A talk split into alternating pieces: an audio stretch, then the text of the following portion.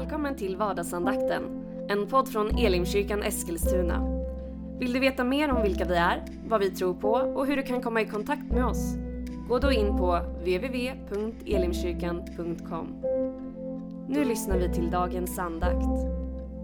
Välkommen till vardagsandakten. Jag heter Joel Backman och jag är pastor i Elimkyrkan i Eskilstuna.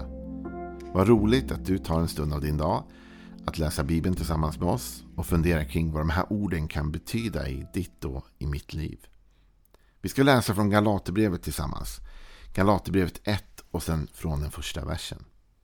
Från Paulus, apostel, utsänd inte av människor eller genom någon människa, utan av Jesus Kristus och Gud Fadern som har uppväckt honom från de döda. Jag och alla bröderna här hos mig hälsar församlingarna i Galatien.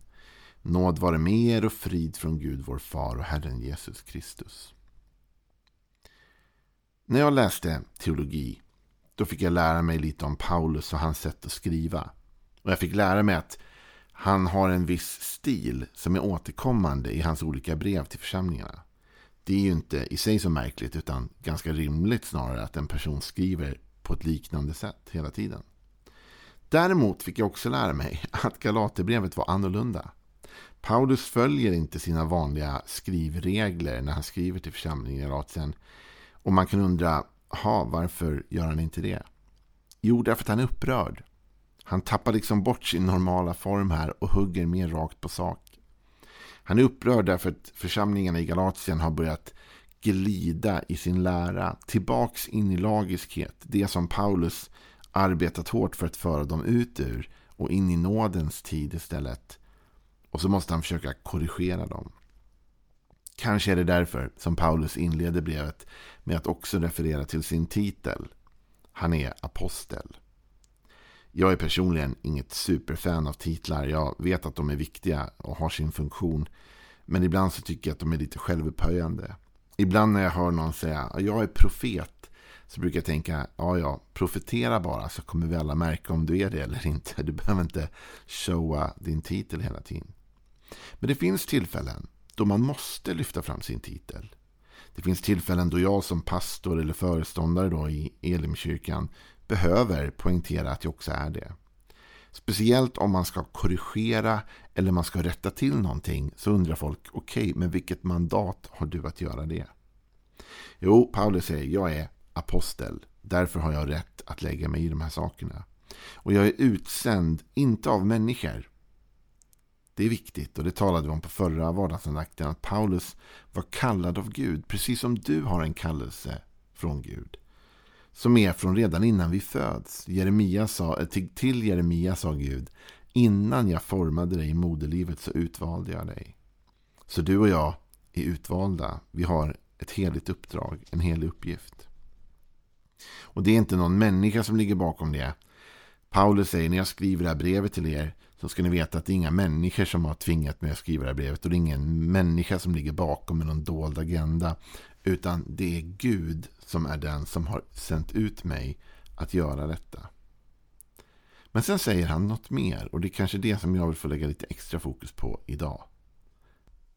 Paulus talar om att han inte är utsänd av någon människa. Men han talar också om att han inte är utsänd genom någon människa. Det innebär att han inte är beroende av någon människa för att utföra sin kallelse.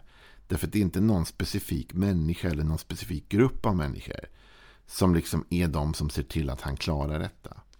Utan det är Gud. Vad menas med det? Jag kan ge dig ett exempel ur mitt eget liv. I en av de första tjänsterna jag hade som pastor så satt jag i ett samtal med en person som var med i ledningen i den församling som jag arbetade i. Och han tyckte väl inte riktigt om mig kanske, eller i alla fall hade en stark annan åsikt än mig. Och eh, han ville markera mot mig och han ville göra det med hjälp av pengar. För han uttryckte sig på ett sätt som sa ungefär så här. Du vet, du får ju göra som vi vill för att du behöver ju oss för att vi ger ju dig lön. Ungefär så sa han, fast kanske inte exakt de orden. Och fastän jag var yngre då så var det något som väcktes upp i mig och jag vet att jag stannade upp och sa ursäkta, jag måste bara förtydliga en sak. Jag är inte beroende av dig eller er. Gud är min försörjare. han kommer att ta hand om mig och ge mig det jag behöver. Och visst var det så att jag menar deras lön betalade ju, eller deras pengar betalade ju min lön och hjälpte mig att leva. Men det fanns en djupare förståelse i mig att min källa är inte någon enskild människa utan är Gud själv. Och det är det jag vill också få delvis förmedla till dig idag. Gud kommer att använda människor för att välsigna dig. Gud kommer att använda människor för att försörja för den kallelse han har lagt i ditt liv. Men de människorna är aldrig din egentliga källa. Och du är aldrig i beroendeställning till enskilda människor för att göra det Gud har kallat dig att göra. Utan Gud är din och min källa. Han som har kallat oss är också den som tar ansvar för hela processen av denna kallelse. Så uttrycker sig Paulus ungefär i Filipperbrevet. Då säger han så här i Filipperbrevet 1 och 6. Och jag är övertygad om att han som har börjat ett gott verk i er också ska fullborda det till Kristi Jesu dag. Här talar Paulus om att Gud är den som börjar verket, startar verket. Och det gör han. Och enligt Jeremia gör han det väldigt tidigt. För till, till profeten Jeremia säger Gud att redan innan jag formade dig i moderlivet så utvalde jag dig och gav dig ett heligt uppdrag. Så Gud är den som börjar ett verk i dig och mig och det börjar redan i vår mammas mage när vi formas och när vi liksom skapas av Gud så läggs det också ner en tanke om vår kallelse där. Han är den som kallar oss. Det är ingen människa som har utvalt dig och mig till den uppgift Gud har gett oss utan det är Gud som har planterat någonting i dig och mig. Men det är också Gud som tar ansvar för att fullborda det. Paulus säger, jag är övertygad om detta. Att han som kallar också är den som fullbordar. Och då och då så kommer han använda människor för att göra det. Ganska ofta kommer du upptäcka att när du behöver någonting för att fullgöra din kallelse så kommer Gud sända människor i din väg som kan hjälpa dig och stötta dig på det. Men ändå, om de skulle falla undan, om helt plötsligt de som har stöttat dig skulle sluta stötta dig, om helt plötsligt de som har stått bakom dig inte längre står bakom dig, så behöver inte du få panik därför de är inte ansvariga för din kallelse. Den som är ansvarig är den som har gett dig uppgiften. Så är det ju när man delegerar ett ansvar. Jag vet inte hur mycket du brukar delegera men tanken med delegation är följande. Jag ber någon att göra något i mitt ställe. Men när jag har lämnat ut den uppgiften så är egentligen ansvaret fortfarande mitt. Om någon skulle komma och utkräva ansvar så är det inte den personen jag delegerade till som ligger mest pyrt till, utan det är jag. Därför jag gav en delegation, jag gav ett uppdrag till någon och jag borde ha valt rätt person för det jobbet. Ansvaret låg kvar hos mig. Du vet, när Gud kallar dig och mig så är det som en delegation. Vi får ett uppdrag att göra. Men ansvaret är fortfarande Guds. Han är bärare av denna uppgift, denna kallelse, detta verk. Och han kommer se till att det går i fullbordan i ditt och mitt liv. Han som börjar verket är också den som ansvarar för att fullborda verket i vårt liv. David, han visste om det här och han skriver i en av sina psalmer, psalm 138, så här i vers 7. När jag går genom nöd håller du mig vid liv. Du sträcker ut din hand mot mina fienders vrede. Din högra hand frälser mig. Herren ska fullborda sitt verk för mig. Herre, evig är din nåd, överge inte dina händers verk. David, han var ju en väldigt eh, kapabel man. Han åstadkom väldigt mycket. Det här är ju en tonårsgrabb som faktiskt fällde en jätte. Och det här är ju en kille som regerar en hel nation och gör det bra dessutom. Han är väldigt kapabel.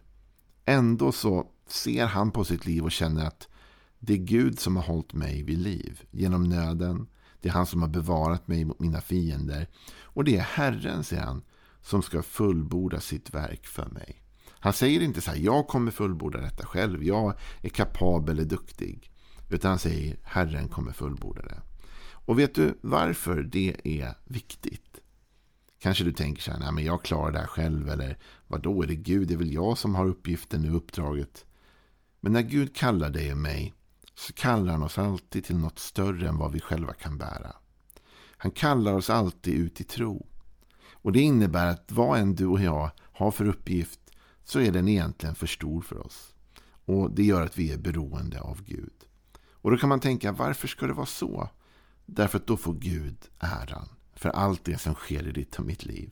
Därför alla vet, han vet, vi vet, alla runt omkring vet att det här är inte någonting som du och jag kunde ha klarat själva.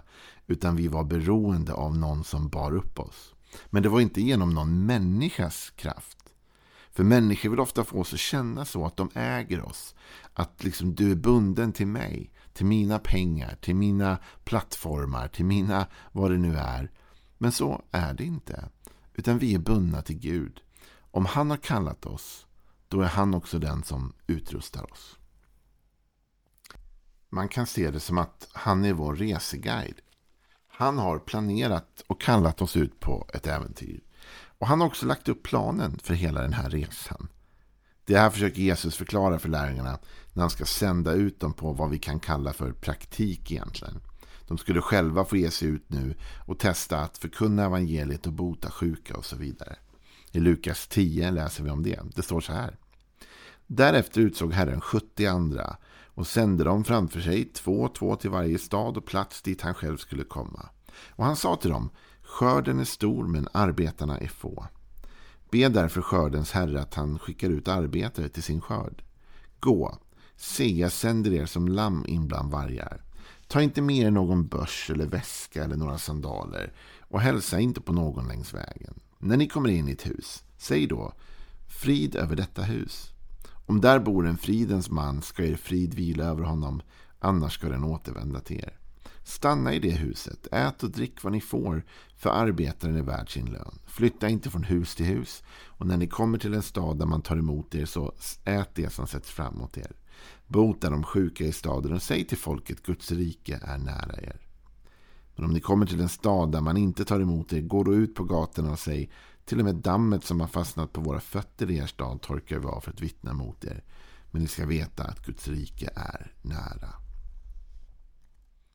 Återigen förklarar Jesus något för dem som jag tror han förklarar även för dig och mig idag.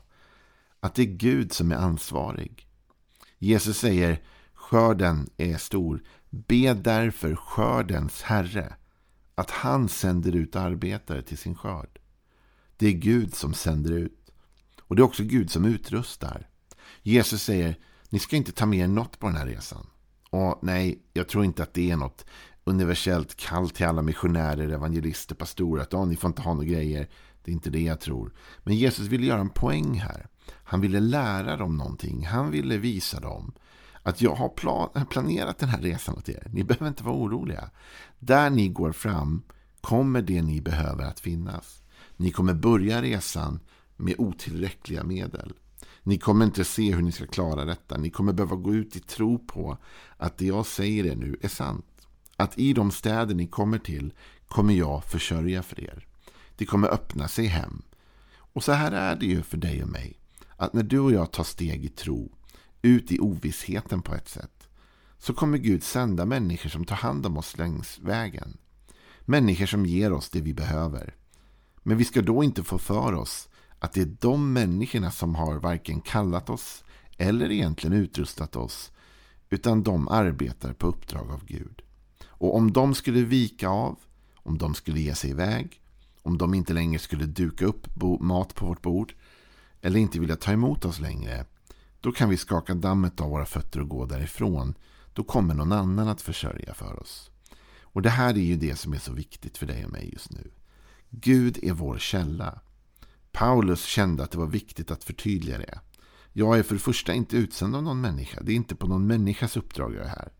Och det är inte heller någon människa som står bakom att jag kan vara här. Det är inte genom någon människas kraft eller förmåga som jag är där jag är. Utan det är genom Jesus Kristus. Så till dig som lyssnar idag. Gud har en plan för ditt liv. Han har kallat dig. Han har också utrustat dig. Och han kommer att fylla dina behov längs med den här resan. Lita på honom. Våga ta steg i tro och ge inte upp även om helt plötsligt dörrar stängs eller människor lämnar och sviker. För det har aldrig varit människor som är din källa och det har aldrig varit människor som har kallat dig. utan det är Gud som ansvarade för det. Och han som har börjat ett gott verk i dig, han har också lovat att han kommer fullborda det. Ha en välsignad dag. Imorgon är vi tillbaka med mer vardagsandakten igen. Tills dess, allt gott. Hej då. Du har nu lyssnat till vardagsandakten från Elimkyrkan Eskilstuna. Du har väl inte missat att vi finns på sociala medier? Eller att vi varje söndag firar gudstjänst? Hoppas att vi ses där.